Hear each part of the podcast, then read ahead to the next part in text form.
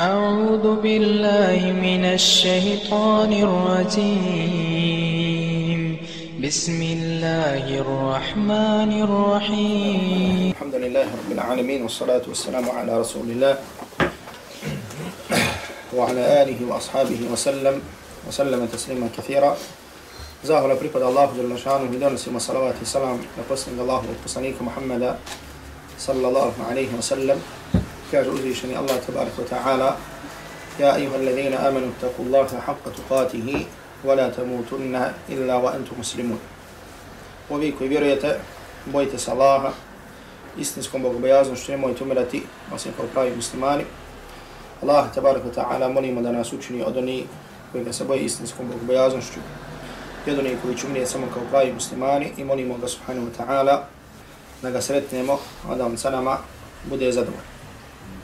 Za Allahu pomoć nastavljamo sa našim govorom o načinu obavljanja namaza i o greškama klanjača, a da tačnije govorimo znači, o stvarima koji su preduslovi namaza, još nismo počeli da govorimo o samom namazu kao namazu i njegovom načinu obavljanja, nego počeli smo da govorimo o stvarima koji su, kao što smo to rekli i pojasnili, šartovi, odnosno preduslovi namaza, i stvari koji su, i greške koje su vezane za te preduslove. Pa smo tako bili govorili, koliko se sjećam, ono o čemu smo govorili, jeste da smo govorili e, da je od preduslova da bude čisto tijelo, mjesto i dijelo. I rekli smo šta znači da bude čisto, to jeste da, ne, da na njemu ne bude nešto što se zove šta neđaset, ne od grešaka ljudi da ostavljaju ili odgađaju namaz zato što misle da su prljavi. Međutim, rekli smo da prljavština kao prljavština u smislu da čovjek bude, da na njom bude ulja ili e, maltera ili zemlje, znači da to, stvar, da to nije stvar koja sprečava obavljanje namaza i tako dalje. Zatim smo rekli da se te nečistoće otklanjaju vodom i rekli smo znači da je dovoljno jedan put znači da se opere, osim kada u pitanju pas je došlo u sunnetu Allahu poslanika sallallahu alaihi wa sallam da je potrebno da se opere koliko puta, da se opere sedam puta. Dobro. Ovdje želim također spomenuti još jednu stvar, jer je došlo mi jedno pitanje koje je vezano. E, s obzirom, e, danas ćemo govoriti nešto o načinu uzimanja abdesta i gusula. A s obzirom da je prijetno bilo govora otklanjanje nečis, e, nečistoće, da otklanja nečistoće biva vodom. E, znači, želim na samom početku da spomenem jednu stvar koja se zove, a to je, e, koja se zove propis voda. Znači, s obzirom, znači, da ćemo danas govoriti o e, abdestu i gusul koji biva sa vodom i nečistoće se također otklanja vodom. Znači, ljudi postavljaju pitanje kojom vodom se može očistiti. Jer ponekad ljudi dođu u zabunu da li s ovom vodom može očistiti ili se ne može očistiti. Pa sad tako, na primjer, prije nekoliko dana uh, čuo, kaže, ne možemo se abdestiti iz neretve. Neretvom. Zašto? Zato što u nju idu kanalizacije. Znači, na s jedne strane, znači, pitanje logično, ima neku osnovu, pa želim ovdje da spomenem. Znači, osnova kod voda je da su one čiste. Pa tako, tako vode rijeke, mora, jezera, izvori, bunari, kišnice, Znači sve su to vode koje su čiste i čisteće. Sa kojima se može šta? I otkloniti nečistoću i uzeti abdest i sa kojima može se okupati i tako dalje. Međutim, kada voda postane, postaje nečista? Znači, kada je voda nečista? Znači, jedno kratko pravilo da vam spomenem. Jer ovo je jedno od fikskih poglavlja. Znači, voda postaje nečista kada u nju upadne nečistoća, neđaset.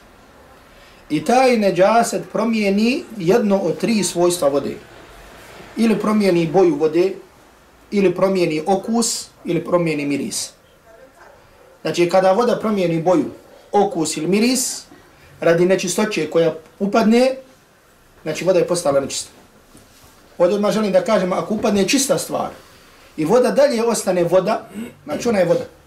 Naprimjer, desi se voda i upadne malo soka, Znači malo, međutim ono i dalje ostala voda, znači to je voda. Međutim, kada postane sok, sa sokom nije dozvoljeno da se abdesti. Pa makar da je čist. Znači to je jednostavno. Međutim, ovdje sad govorim o nečistoćama. Znači imaš, na primjer, baču i u nju, na primjer, upalo kap mokrče. Znači, je li voda postala nečista? Postala je nečista ako se promijenila boja ili okus ili miris. Znači, ovo pravilo je jednostavno i razumite. I e, za ovo postoje hadis, zabilježi imam Ahmed u svom musnadu, i također Abu Dawud i Tirmizi u svojim sunanima, kad Abu Sa'id al-Hudrija, da su došli, radijallahu ta'la anhu, da su došli Allahom poslaniku, alaihi salatu wasalam, i rekli Allahu poslaniće, hadis je radostojan, Allahu poslaniće, ene tavabba'u min bi'ri buda'a. Allahu poslaniće, hoćemo li se abdestiti iz bunara koji se zove buda'a. Hoćemo li se abdestiti iz bunara koji se zove buda'a. A došli u pojašnjenju toga da je to bio bunar u Medini, u koje su se bacale razne, znali su ljudi da bace razne nečiste stvari. Razne nečiste stvari, razne neđasete. Pa je poslanik sallallahu alaihi wasallam rekao, el ma'u tahurun la yunajjisuhu shay. Pa je poslanik sallallahu alaihi wasallam rekao, voda je čista i ništa je ne može onečistiti.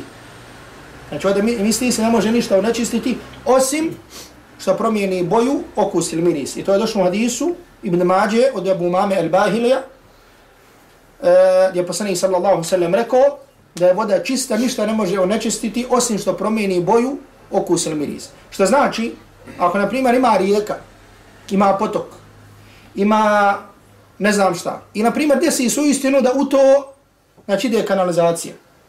U kojem slučaju je to nečist, znači to je nečist, ako ta voda koju uzmeš da sabdestiš sa njom, na primjer osjetiš da smrdi na neđaset. Ili vidiš da je promijenilo šta? Boju. Znači u tom slučaju, u tom slučaju šta niješ sabdestiti. Međutim, sve mimo toga, sve dok nije promijenila, voda ta tri svojstva, voda je čista i čista. Što znači također, kada ljudi izađu, na primjer, na putovanje, na izlijeti nađu vodu, međutim ne znaju, ne znaju je li čista ili nije čista. Znači osnova je da je šta? Da je čista. Dobro. E, ono što nam je ostalo da govorimo, o čemu sam mislio da govorimo, znači e, danas jeste način uzimanja abdesta i znači greške prilikom greške prilikom uzimanja greške prilikom uzimanja abdesta. Znači, ja ću vam ovdje skratiti i pojasniti znači, kako je došlo u sunnetu Allahovog poslanika, alaihi salatu wasalam, uzimanje abdesta, bez znači da spomnim hadise i dokaze, znači, mada, ako se vratite, znači, na djela, znači, ove stvari, znači, za svaku ovu stvar, ćete naći potporu ili osnovu sunnetu Allahovog Rasula sallallahu alaihi wasallam, Međutim, kao što je način ovog našeg dersa, znači nije nam cilj pojašnjenje same stvari, koliko je cilj pojašnjenje određenih grešaka.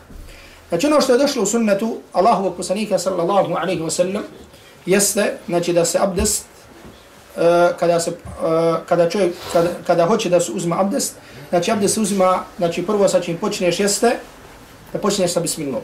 Znači ko što je zabilježio imam Nesai, da je poslanik sallallahu alejhi ve sellem govorio te vaddao bismillah. Znači abdestite se znači sa bismillah.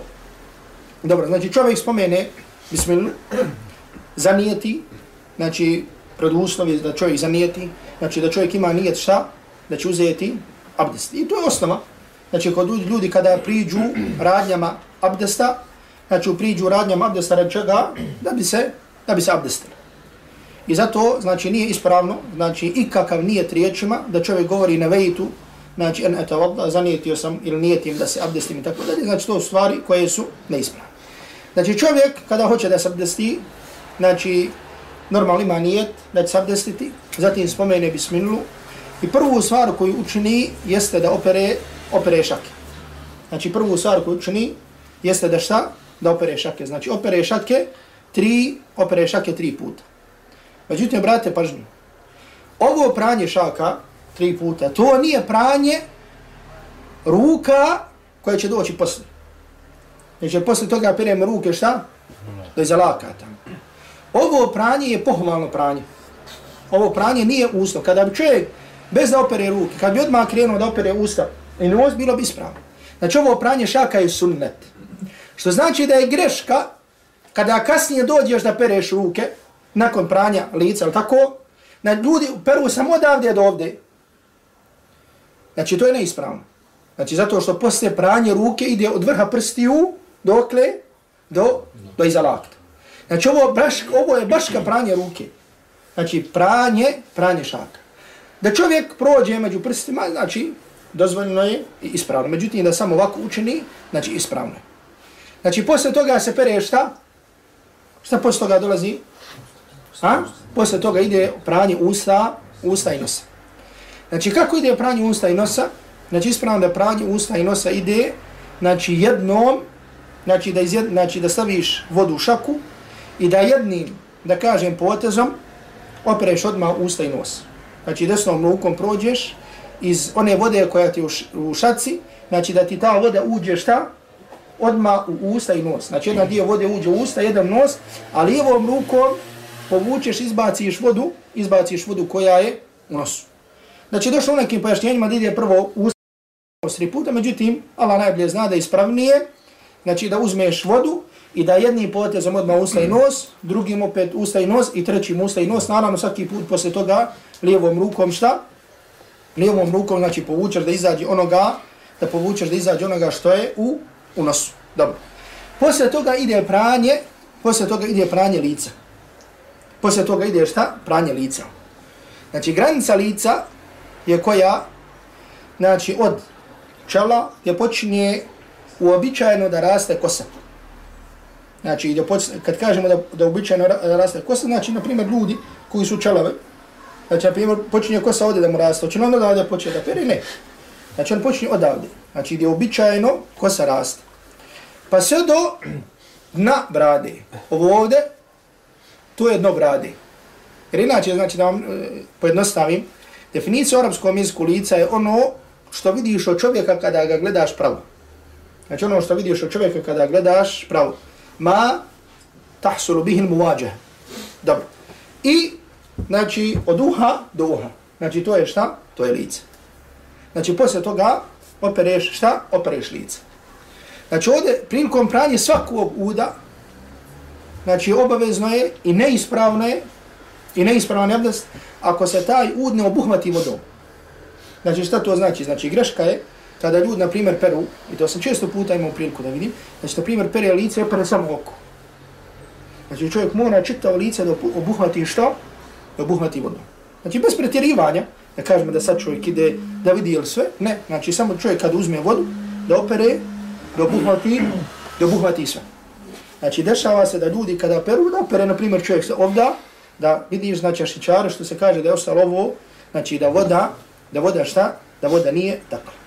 Dobro, znači pranje ispod brade, znači čovjek, koji, znači čovjek ako ima bradu, znači dovoljno je da, znači pokvasi, znači vrh ili vanštinu brade.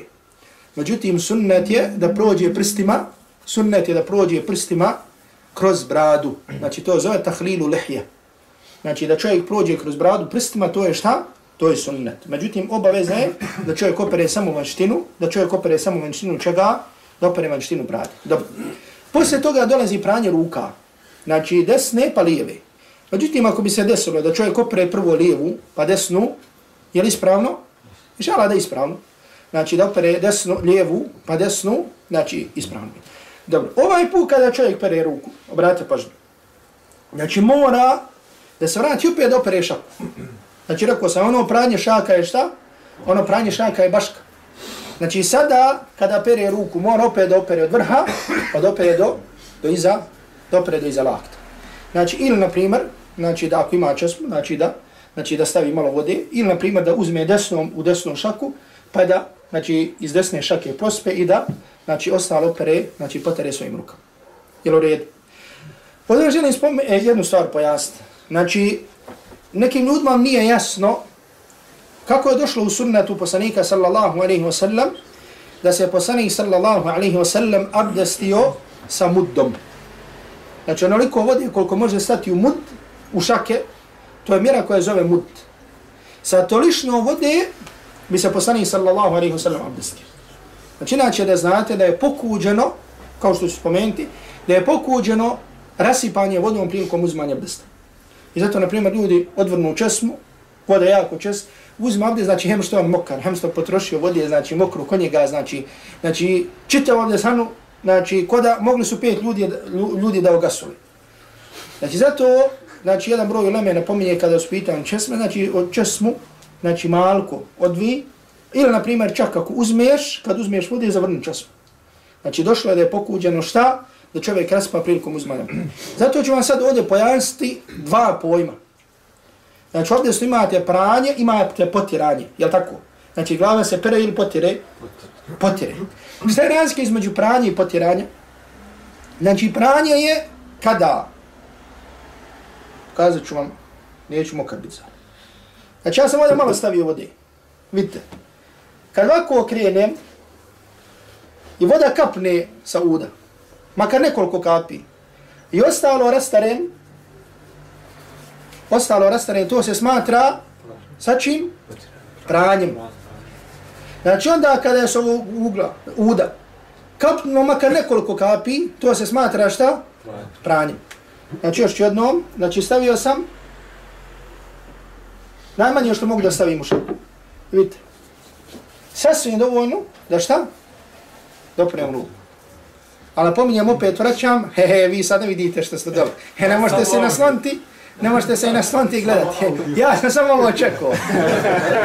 samo sam ja ovo čekao. Pa ste vi, jara i pare, ne može. E, fali namjerno, fali video, hajde nisam. Znači, gledajte, napominjem opet sa vrha pustiju i, znači, sa tim je šta? Ispravno. Međutim, ovo je pranje, rekao sam. Znači, bitno je šta? Da voda sa tog uda, znači da se, da ka, tako kažem, pros, da pospijem i da kane kap, kapi. To je pranje. Međutim, potiranje je da uzme, na primjer, mokru ruku. Znači, nema sad vode. Mokru ruku i da potirem. Ovo je već šta? Ovo je potiranje. I to je neispravno. Znači, zato što se ruka pere, a ne potire. Međutim, glava se potire. I zato kad potiremo glavu, znači ovako uzmemo tako i potaremo. Znači, ne, ne uzmaš sad pa vodu na glavu pa potireš. Ne. Znači, to je pranje.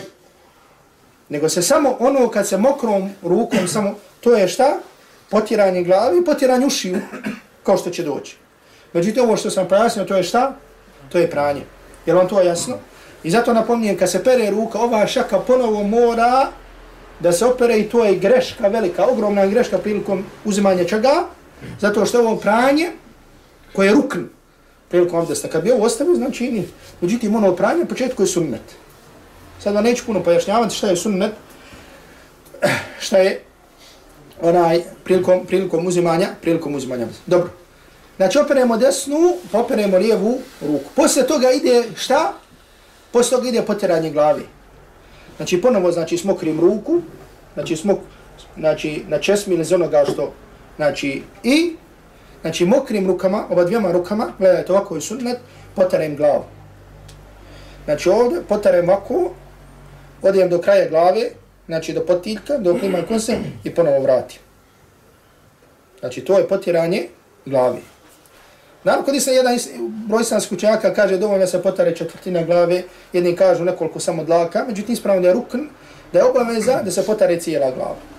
Znači čovjek kad bi učinio samo jedan put, tako bilo bi ispravno. Međutim sunnet, ko što je došlo u sunnetu Allahovog poslanika, alaihi salatu wasalam, jeste, znači da uzmeš vaku, da odiješ do kraja glave i da šta?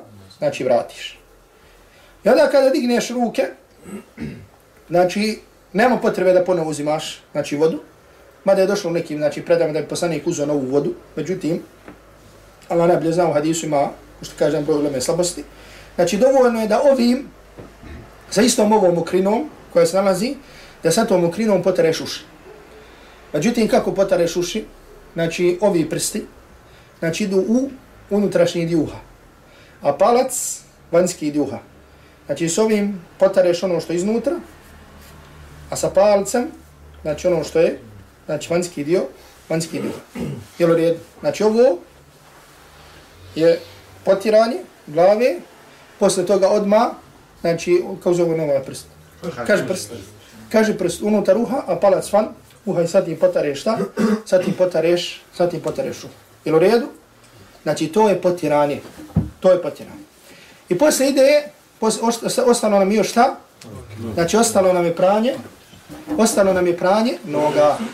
Znači, ostalo nam je pranje čega? Noga.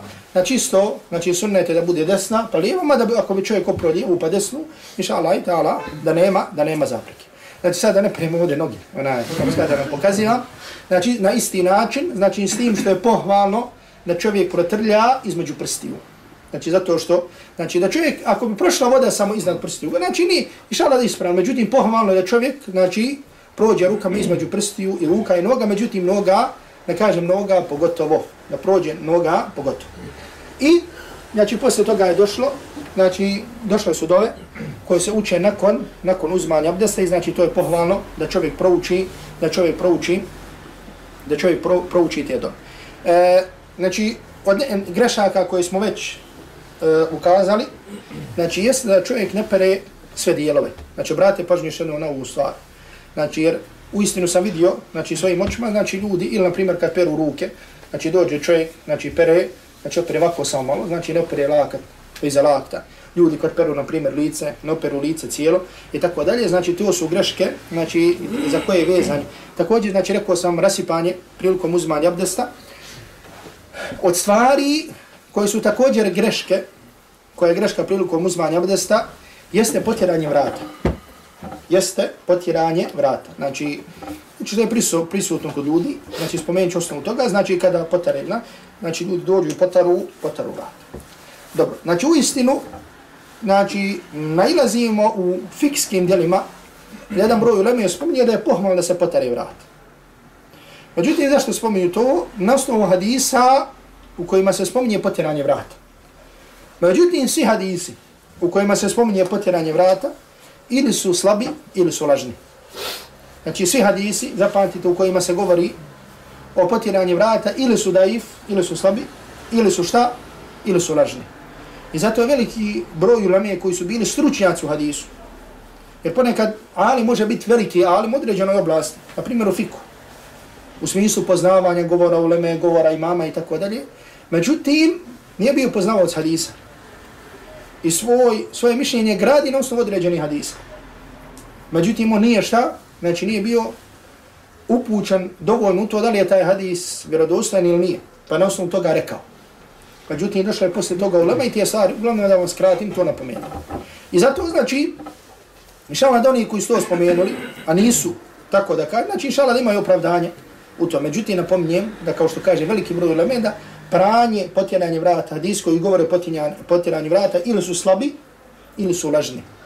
I zato hadisi, e, postoje hadisu Buhari muslimu, znači od Osmana radijallahu tala anhu, znači u kojima su pojašnjeni detalji prilikom uzajmanja abdesta, nijedan od tih hadisa, znači drugi hadisu sunanima koji su došli, nisu spominjali potjeranje, nisu spomenuli potjeranje vrata.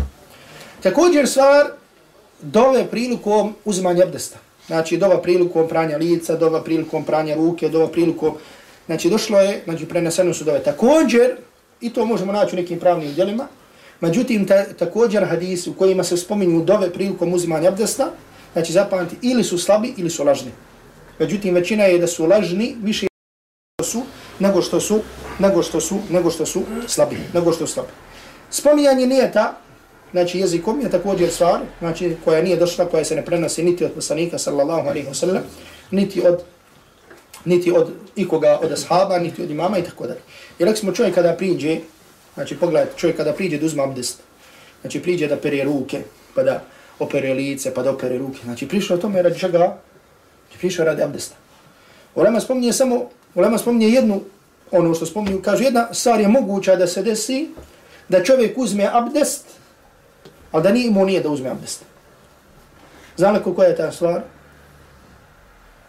Kažu primjer kada čovjek podučava drugog da uzme abdest. Znači dođeš čovjek kaže, e, abdest uzme ovako. Međutim, nije ti na, nije pao da uzmeš abdest, da ti imaš abdest. Ako si zanijetio da ti imaš abdest, ti imaš abdest. Međutim, došlo je za čovjeka podučiš, pa kažeš abdest uzme ovako. Pa mu opereš ruke, pa mu opereš, opereš mu šta, usta i nos, opere, opereš lice, u stvar ne njemu, opereš, opereš ruke i tako dalje opereš nogu, kad se operu nogu vidiš šta, da su zabdes. Međutim, gdje je nijet, nisam imao nijet.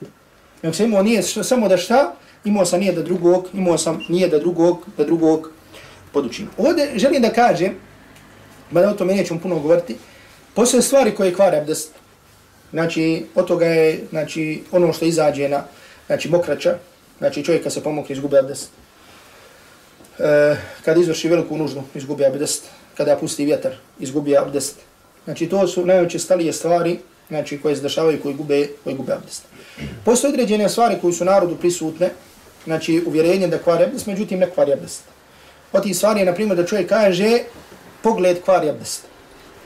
Znači nije mi je poznato da iko od imama je bio na uvjerenju, međutim kaže nije mi poznato, Allah najbolje zna, od četvorice u četiri mezheba da kažu da pogled kvari abdest. Znači da određena stvar može, znači baš ka haram, znači baš kada je stvar haram, znači pogled koji je zabranjen haram, međutim da kvari abdest potreban je dokaz. Tako da kad ljudi kažu izašao sam, kaže dok sam došao izgubio sam abdest.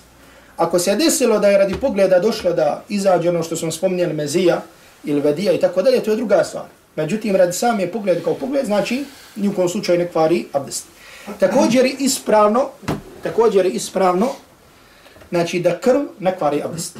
Znači čovjek koji ima ranu i poteče mu krv, znači ono mišljenje koje je ispravno, Allah najbolje zna, jeste da krv ne kvari abdest. Mada ovdje kod islamskih učenjaka postoji razilaženje, znači kod e, Hanefija i kod e, Hanbelija, znači krv kvari abdest, međutim kod Hanbelija kada istakne mnogo krvi, kvari se abdest, međutim ako istakne malo ne kvari, međutim kod Hanefija ako krv potakne, pokvario se abdest. Međutim, ono mišljenje koje je ispravno, Allah najbolje zna, Allah najbolje zna da krv ne kvari abdest. Radi dokaza koji pučuju na to, znači iz predaje gdje se kaže da su sahabi, radijallahu ta'ala anhu, klanjali, i obavljali namaz, a da su krvarili i tako dalje. Znači, svi ti dokazi, kao i nepostojanje validnog i vjerodostnog argumenta koji ukazuje znači da krv kvari abdest. Postoje hadis, hadis gdje se kaže da svaka krv koja poteče da kvari abdest, međutim u tim hadisima, u tim hadisima ima, u tim hadisima ima slabosti. U tim hadisima ima slabosti. E, još jednu stvar koju ćemo znači pojasniti jeste gusul. Znači, to je kupanje. Znači ovo, e, da kažemo, ovo je abdest, međutim nešto što je veće od toga, jeste znači nešto što se zove, što se zove gusul.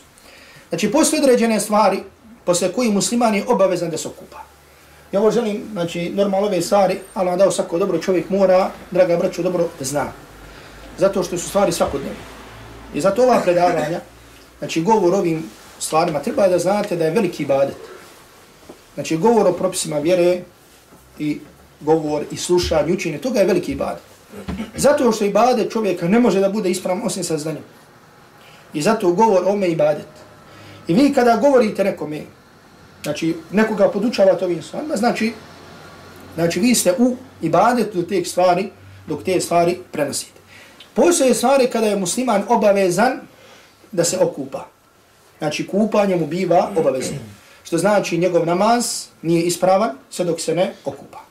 Prva od tih stvari je znači, izlazak sperme. Izlazak sperme. Znači muslimanu kada izađe sperma, posle toga je obavezno šta? Da se okupa. Znači, kao što, znači ovdje ću samo kratko spomenuti, znači izlazak sperme može da bude na snu, u snu, može da bude na javi.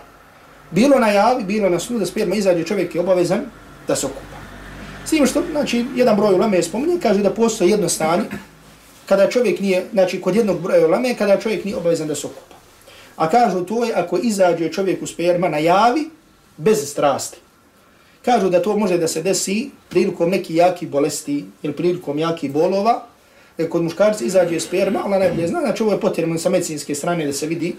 Znači da čovjek radi jaki bolova ili radi jake muke, da može da izađe sperma, međutim bez strasti, nego radi muke i radi bolova. Kažu u tom slučaju čovjek nije obavezan da se šta okupa. U svakom slučaju, znači izlazak ili na javi, ili u snu, čovjek je posle toga potreba obavezno da se šta okupa. Ovdje želim da spomenem jednu stvar, e, jer ljudi mnogo pitaju vezano za ovo. A to je pitanje e, izlaska sjemena u snu. Znači, izlazak sjemena u snu, sperme u snu, može da ima tri stanja, tako da kažem. A to je kad se čovjek probudi, na primjer da vidi jasan trak i da zna da to što je izašlo da je šta? Sperma. U tom slučaju je šta obavezan? Da se okupa. Ima nekada da vidi neki trag, međutim da zna da sigurno to nije sperma. Tad nije obavezan šta da se okupa. I postoji treće stanje, i to je stanje gdje ljudi često pitaju, čovjek na primjer nešto sanju, međutim probudi se, vidi ima nešto, ali nije siguran, znači je li to sperma ili nije. Znači sumnja. Jel razumijete? Znači čovjek se probudi sumnje, je na primjer mezija, je li onaj sluz ili je čovjek uspjeva, je li obavezan da se okupa ili nije obavezan da se okupa. Znači ispravno mišljenje ovdje jeste da čovjek nije obavezan da se okupa. Znači sve dok ne budeš siguran da je šta, da je to sperma, nisi obavezan da se okupa. I ovo se opet vraćamo na ono pravilo koje smo često spomenuli, a to je šta? El aslu fil eša'i taharat wal ibah. Da je osnova kod stvari čistoća i dozvoljenost. Znači sve dok ne budeš siguran da je to sperma, nisi obavezan šta? Nisi obavezan da se okupaš. Druga stvar jeste polni odnos. Međutim, ovdje želim da spomenem, znači u vjeri, znači prilikom podučavanja ovih stvari nema stida. Znači ko što lama spominje. Znači, e, i zato uh, ashabi kada su dolazili Allahom poslaniku sallallahu alaihi wa sallam i pitali su ga, ili ashabi ke čak govorili su, Allahu poslaniće, Allah se ne stidi istine. Znači, ne stidi se da spomene istinu. Tako i ljudi. Međutim, ponekad ljudi, oni koji možda govore, e, možda zato što imaju stida da određenu stvar spomene, zato što je intimno, jel tako dalje, znači ostanu nedorečeni. Međutim, ovdje znači, spominjem i kažem da ove stvari ljudima ne treba da budu predmet smijeha ili ovoga, nego zato što su vezane zašto? Za vjeru. Pa ljudi, na primjer, kažu, poslije polnog odnosa treba da se šta? Da se čovjek okupa. Znači, onda ljudima ovdje ostaje nedorečeno posle polnog odnosa. Šta znači posle polnog odnosa? Jer ukoliko se desi da polni organ uđe u polni organ, jer u slučaju da se desi da dođe do izlaska sjemena, jer u slučaju ako nije polni organ ušao, da li je obavezno kupanje, je li to polni odnos, tako da. Znači ovdje pravilo je sljedeće. Ukoliko se desi da vrh ili glava polnog organa muškarca uđe u polni organ žene, obavezno je kupanje. Pa makar da ne dođe do čega, do izlaska sjemena. Kaže poslanik sa sallam, idha gabe il hašafa, fakad vađe bel Kada, znači nestane ili kada uđe glava polnog organa, znači obavezno je kupanje. Na početku islama je bilo, na početku islama je bilo, znači da muškarac, kad ima polni odnos, da je moglo da ima polni odnos sa ženom, međutim, ako ne bi dola, došlo do izlaska e, sjemena, znači nije bilo obavezno kupanje. I na to se odnose hadisi, al ma'u min al ma'i, voda je od vode. Znači obavezna je voda, kupanje, kada dođe do izlaska vode. Pa je taj propis derogiran. Pa je poslanik sa srlem rekao, znači spominješ hadisi, kada dođe samo do ulaska, obavezno je kupanje. I ovaj, ovaj propis veliki broj ljudi ne poznaje. Znači samim tim kada se, znači, ako bi se desilo da se muž i žena, znači, dotaknu, poljube, međutim ne dođe do izlaska smrti, znači to se ne smatra odnosno, nije obavezno kupanje. Međutim, ukoliko bi se desilo, znači normalno ako znači, dođe do izlaska sjemena, pa makar da ne uđe polni organ, također obavezno je kupanje. Međutim, ako bi ušao onoliko koliko smo pojasnili, međutim, ne dođe do izlaska e, sjemena, znači obavezno je šta? Kupanje je obavezno. I ovo je ono na što se misli kada se kaže nakon polnog odnosa. Nakon polnog odnosa. Znači, dosta knjiga, znači, ova stvar ostane, ostaje nedorečena. Također, znači, kupanje je obavezno poslije čega? znači žene posle hajza i nifasa, znači žena, nakon, o tome nećemo sada spominjati, i ulema spominje također, znači kupanje obavezno poslije smrti. Jel da kažemo, smrt je uzročnik kupanja. Kako to smrt da je uzročni kupanja? A. Znači, kad musliman umre, obavezni smo da ga okupamo. Znači, drugi muslimani su obavezni da ga ogasule. Je vam ovo jasno?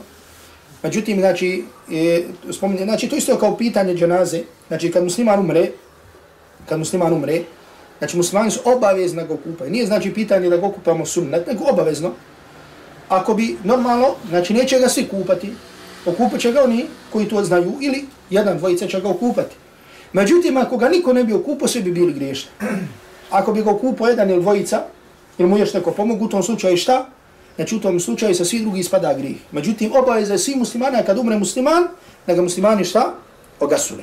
I o tome ću možda nekad govoriti o propisima. Ovdje, znači jedna stvar koja je bitna i od grešaka koje se dešava ovdje prilikom gasuljenja, znači što se ne vodi računa o avretu.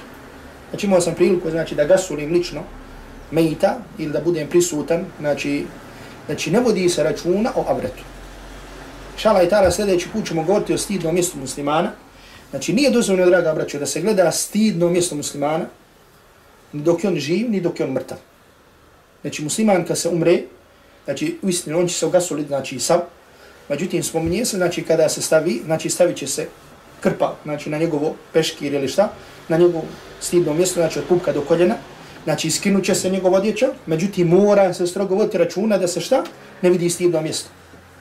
I zatim će se oprati rukom ispod bez da se gleda. Međutim, danas o tome, da li oprosti, znači, slabo vodi računa. Ovo je obavezno da se vodi računa. Znači, ovo je obavezno da se vodi računa, odnosno da gasule mejte oni ljudi koji vodi. Znači, bilo muškarca, bilo žene. Naravno, muškarci kupaju muškarce, žene kupaju, znači, žene. Može li muškarac okupa ženu? Ako može žena. Može svoju. Međutim, kod Hanefija ne može ni svoju. Međutim, ispravno da može. Znači, zato što spominje na čutnjaci Hanefijskog mezeba kažu smrt, znači smatra se rastavom između muškarca i žene. Znači, onog momenta kad umrla žena, nije ti više žena.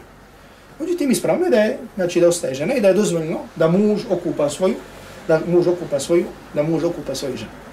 Znači, mora se vod računa. Znači, kao što ćemo spomenuti, predaju da sahaba da su govorili, kaže da umrem, pa da budem proživljen, pa da umrem, pa da budem proživljen, pa da umrem, pa da budem proživljen, lakše mi je i da nego da vidim nečije stidno mjesto ili da neko vidi moje stidno mjesto.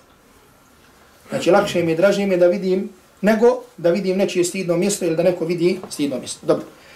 Da skratimo, znači, kupanje, kako biva, znači, po ovih stvari kupanje obavezno. Postoje stvari kada je kupanje pohvalno, kao što je, na primjer, kupanje petkom. Međutim, po ovih stvari kupanje, šta? Obavezno. U jedan broj ilome također dodaje, Znači, kada čovjek prihvati islam, da je obavezno da se okupa, međutim, kod velikog broja uleme sunnet je da se okupa, međutim, znači, sada o tome toliko ne govorimo. Dobro. Znači, koji je način kupanja?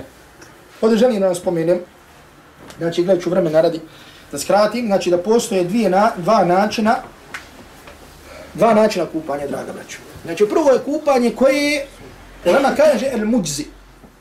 Znači, dozvoljeno i ispravno. Znači, ako se na taj način okupaš, znači, znači čovjek je skinuo sa sebe džunupluk, znači ko što kažemo, jer osoba koja je obavezna suku, pa go zove se kako? Džunup. Ili žena, znači, je skinula sa sebe, znači, kupanje hajza i nifasa. A to je da čovjek zanijeti kupanje. Znači, da ima nije da je to kupanje čega? Znači, kupanje koje mu je obavezno. Ne kupanje, vala, bilo mi vruće, pa se ja okupu, a vidi usput sam bio džunup, alhamdulillah, Ne, znači, mora da ima nije da je to kupanje koje je pas. I druga stvar, da, da pokvasi cijelo svoje tijelo. Znači da pospije na sebe vodu i da svo njegovo tijelo bude šta? Mokro.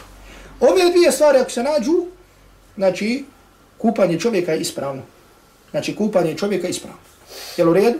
Znači nijet i da cijelo tijelo, da cijelo tijelo opre. Međutim, u sunnetu Allahovog Rasula sallallahu alaihi wa sallam, u sunnetu Allahovog poslanika sallallahu alaihi wa sallam, je došlo, znači, kupanje koje je sunnet.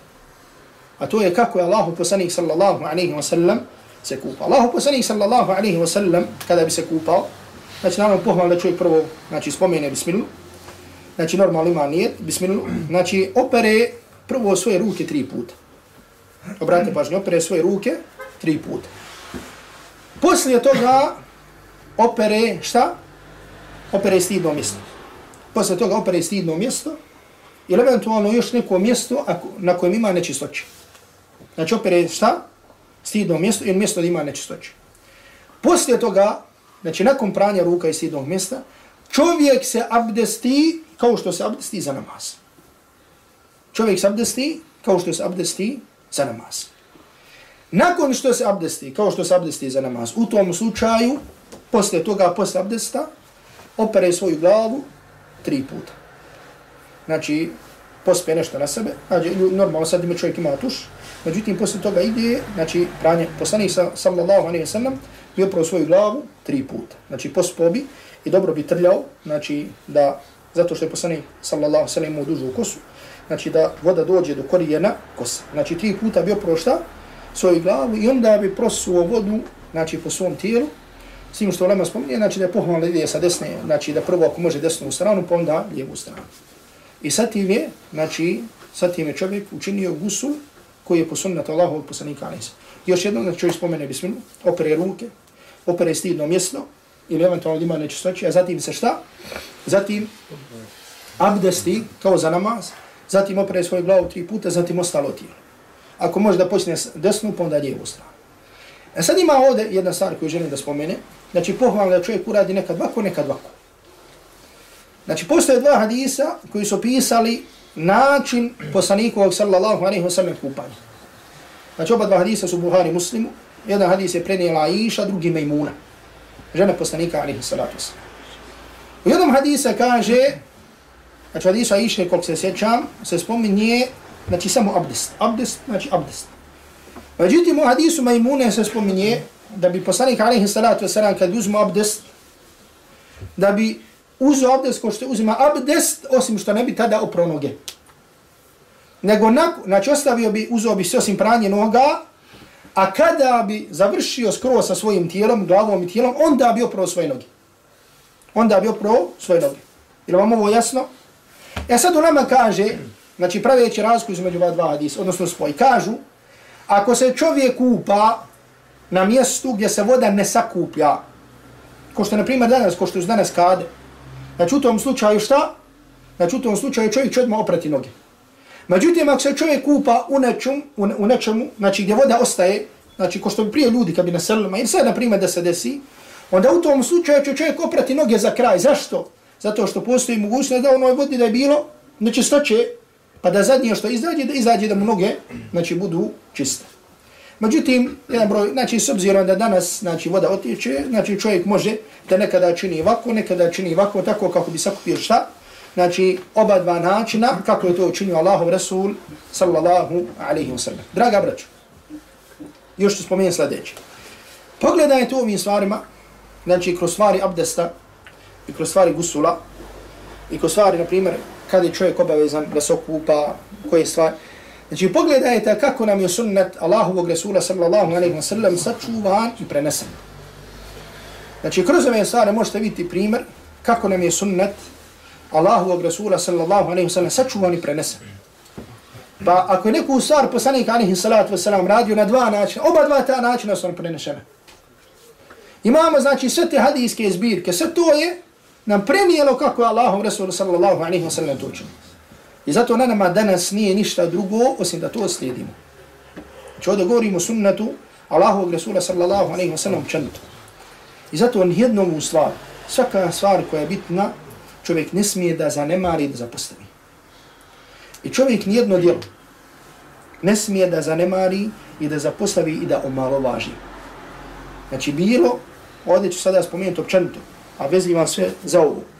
Bilo da se radilo da čovjek strahuje, bilo da, se, da su u pitanju grijesi ili da su u pitanju dobra djela. Nijedno, nijedan grijeh ne smiješ da zanemariš, da kažeš ma daj, to će biti oprašeno niti jedno dobro djelo da kažeš ma daj, to, je, to, to djelo je malo djelo. I zato ću vam spomenuti ovdje jednu priču, jedno kazivanje, koja mi je puno poučna u smislu što sadrži jednu i drugu stvar. I što možemo vidjeti isprava način na razumijevanje tekstova straha i nade. Jer ponekad ljudi nađu, znači ponekad ljudi e, neispravno razumijevaju tekstova. U smislu vidje tamo tekstovi u kojima se govori o nadi da će biti oprošteno. E kaže, e vidiš, to je za mene, znači ja ovo što radim, inša Allah je Allah će mi oprostiti. Ako činim da Allah sačuva blud, pijem alkohol, i, o, nekad kocka, inša Allah vidiš, Allah će mi oprostiti. S druge strane, znači, to je neispravno razumijevanje tekstova. Znači čovjek vidi, e, naj, trebaš biti uveđenje i najmanji grijeh da te može uništiti i poništiti sve tvoj, tvoj ibadet dok s druge strane se nadaš i gledaš da i najmanji, najmanje dobro djelo može prevagnuti. Znači najmanje dobro djelo kad je urađeno sa jakim nijetom i srcem, da može da prevagne one tvoje grijehe. Zabilježi ibn Abi Shayba u svom musannafu da bu Musa al-Ash'ari radijallahu ta'ala anhu svojim sinovima govorio na smrti, kaže, sjećajte se sahibu ragif, ili qissata sahibu ragif kaže, sjećajte se sa kazivanja o vlasniku hljeba. Sjećajte se kazivanja o vlasniku hljeba. Lega braćo, Selef prenosi se veliki broj predaja i hadisa o tome je šta je Selef, šta su učenjaci govorili na smrtnim posteljama. I ono što čovjek govori na, smrtni, na smrtnoj postelji, to je, nema sumnje, velika i bitna stvar, jer svako tada pokuša da tako da kažem, neko svoje veliko ili znanje ili iskustvo da sroči u nekoliko riječi ili nekoliko rečenica. Pa Abu Musa al-Eš'ari taj poznati ashab Allahovog poslanika, alihi salatu wasalam, svojim sinovima, svojim najdražim, ostavio u oporu kovo kazivanje. Koje je to okazivanje?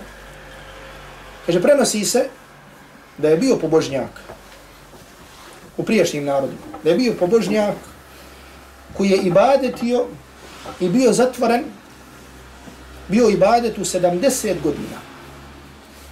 Poznat vam je hadis u Buhari muslimu o Đurejđu, znači mladić koji je bio pobožnjak, pa kako imao ono iskušenje. Međutim, bio je pobožnjak, znači imao je svoju, da kažemo, bogomolju, gdje je bio zatvoren, znači bio zatvoren, bio daleko od ljudi. Znači prije su to praktiko odu na brdo, napravi sad, na primjer, na fortici, gore napravi neku malu bogomolju, metar sa metar, dva sa dva, tri sa tri, i tu samo i. I ne siđu s fortice dole u grad, osim kad imaju potrebu da kupe hranu i odmah se vrate nazad. Znači, samo su bili posvećeni, znači, ibadetu. I ovaj čovjek je bio u ibadetu na takav način, znači bio 70 godina. Međutim, kad je isilazio bi samo jednom sedmično u grad da kupi hranu. I kaže da ga nakon tog tolikog ibadeta, jedan put kad je silazio, da ga šeita natjera, u stvari da skratim kazivanje, da ga zavede žena koju su ono da zove i ne, da kažem, ne ode od nje osim nakon sedam noći. Znači sedam noći je bio prove sedam dana ili sedam noći bude u tom grijehu. Znači, iz ovog vidi, možemo vidjeti znači, koliko je blud i zinaluk i radnje blude i zinaluk koliko su velike. I ostane sa tom ženom sedam dana ili sedam noći. Međutim, posle toga se pokaje. I kažu kad bi posle toga išao, znači koliko je korio sebe za ono što je uradio, da ne bi učinio korak a da ne bi Allahu pao na seđdu. Da ne bi učinio korak kada Allahu ne bi pao na seđdu. Zato što je vidio šta je uradio. Znači ima, imao 70 godina ili koliko, znači hoće da se kaže puno godina ibadeta i nekoliko noći koje je proveo sa tom ženom i opet toliko se pokajao da svaki put kad bi išao da bi Allahu pao, svaki korak na seđu. I takav naiđe na jedno društvo siromaha, Kažu da je bilo oko 12. Uđu u društvo siromaha.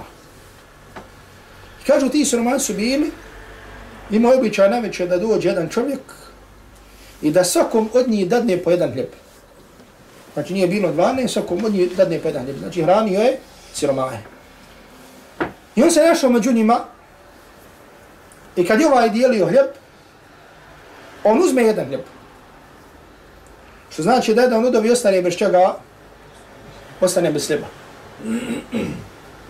I ovaj jedan kad je vidio da nema hljeba, kaže, ome, kaže, fali jedan hljeb. Kaže, ne fali hljeb, ja sam dao 12 hljebova.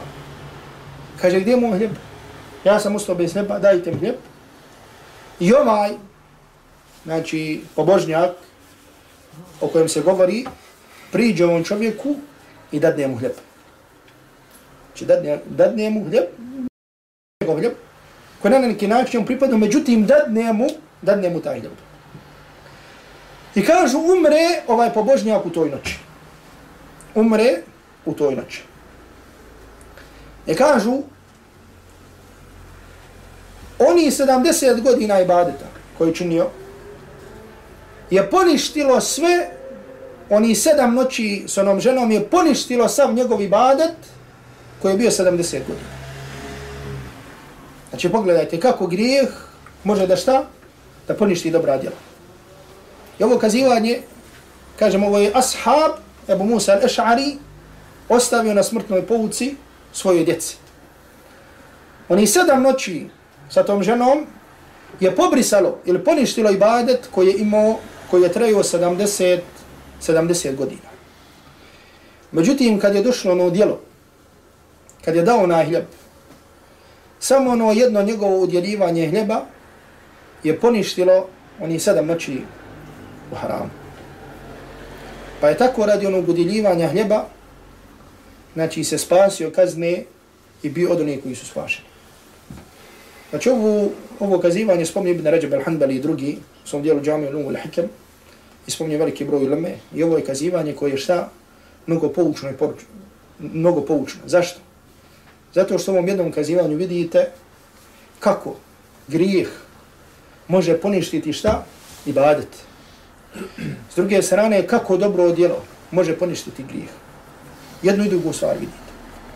I ono što je ovdje, što želim da spomenem, što u Lema napominje, i to sam bio donekle, to sam bio, mislim, ovdje jednom spomenuo.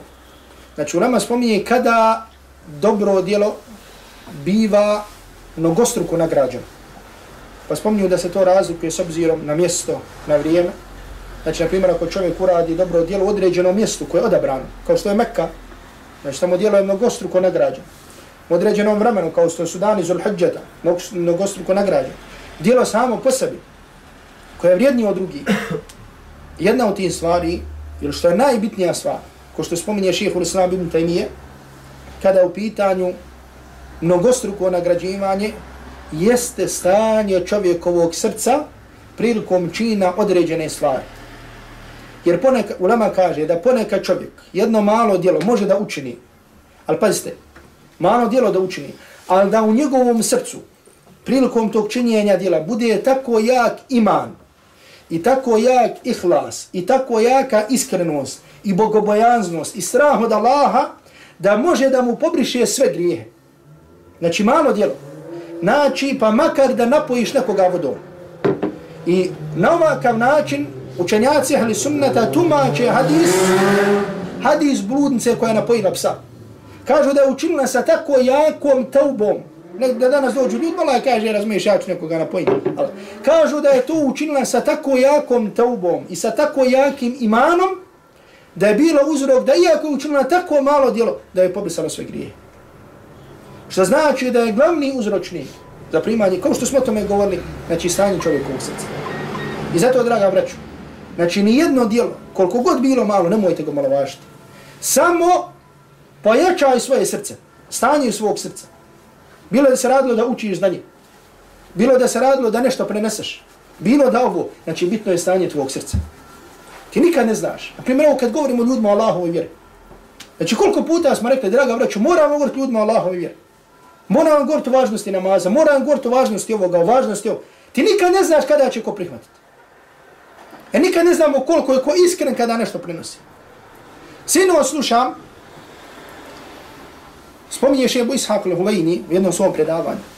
Kazivanje o ženi koja je bila plesačica, pjevačica, plesačica tačnije u Egiptu, koja se pokajala Allahu i vratila se Allahu i vratila se hijabu i nikabu i vjeri. Na čudan način. Dok jedne, jed, jednom kad išla na svoj posao tamo gdje je plesala, vidla je česmu s druge strane puta. I je tijela da pri, znači da odje samo do te česme da popije, da se napije vode. Ta česma je bila na ulazu ili blizu ulaza u džamiju. U toj džami jedan še je držao predavanje I gdje se to njegovo predavanje čulo i van džamije, znači čulo se, dolazio je glas do toj ulice. Dok je pila, samo moment dok je pila vodu. I nekoliko riječi što je čula sa tog predavanja, rezultat je bio da je odlučila da se, da se pokajala Allahu i čitav svoj život promijenila. Od ne vremena da vam spominjem više o tom kazivanju. Znači, sekunde, ni minuta nije onoga što je čula. I zato kaže Šebu Isaklu Vajni, znači srca su znači, zatvoreni, znači to su kutije koje su zatvorene katancima koje otvara samo gospodar nebesa i zemlje. Mi nikad ne znamo, znači pogledaj, ljudi imaš, vaziš mu, vaziš mu, vaziš, ništa. Dođe čovjek, čuje, ezan, Allahu akbar, prihvati vjeru. Čovjek ovo, vrati se Allahu djela šanu. Međutim, ono što želim ovdje da kaže, mi, kada činimo neko djelo, Znači, bitno je koliko ga jako činimo. I zato se prenosi od Selafa da su govorili, ko što govori Jaha ibn Muaz. Kaže, i ovu izreku Allah vas nagradi, dobro zapamtite. Kaže, daljine ili razmaci na dunjaluku se prelaze stopalima. Tuktau bil aqdam, bil aqdam. Znači, daljine ili ciljevi se na dunjaluku dostižu ili prelaze kako stopalima. A kaže, da ređe na ahiretu, do njih se dolazi srcima. Do njih se dolazi srcima. I nema sumnije kada čovjek ima, i u srcu jak ima, ne može to da ostane samo tu, to mora da pređe u djelo. I zato, znači opet napominjem i kažem, je čina čovjek srca prilikom činjenja određenog djela. Bilo da se radilo prilikom činjenja tvog ibadeta, bilo pomaganja drugima, bilo ovo, da ga braću, znači bitno je jačina čovjekovog, jačina čovjekovog srca. Allah tabaraka ta'ala molim da nas smiluje i da nam oprosti i da nas učini od onih koji su uspjeli i na dunjalku i na hiratu, da nas sačuva zla nevjernika i licemjera i svi oni koji žele zlo islamu muslimanima. Wa sallallahu ala Muhammedin wa alihi wa sahbihi wa sallam wa sallam taslimu kathira.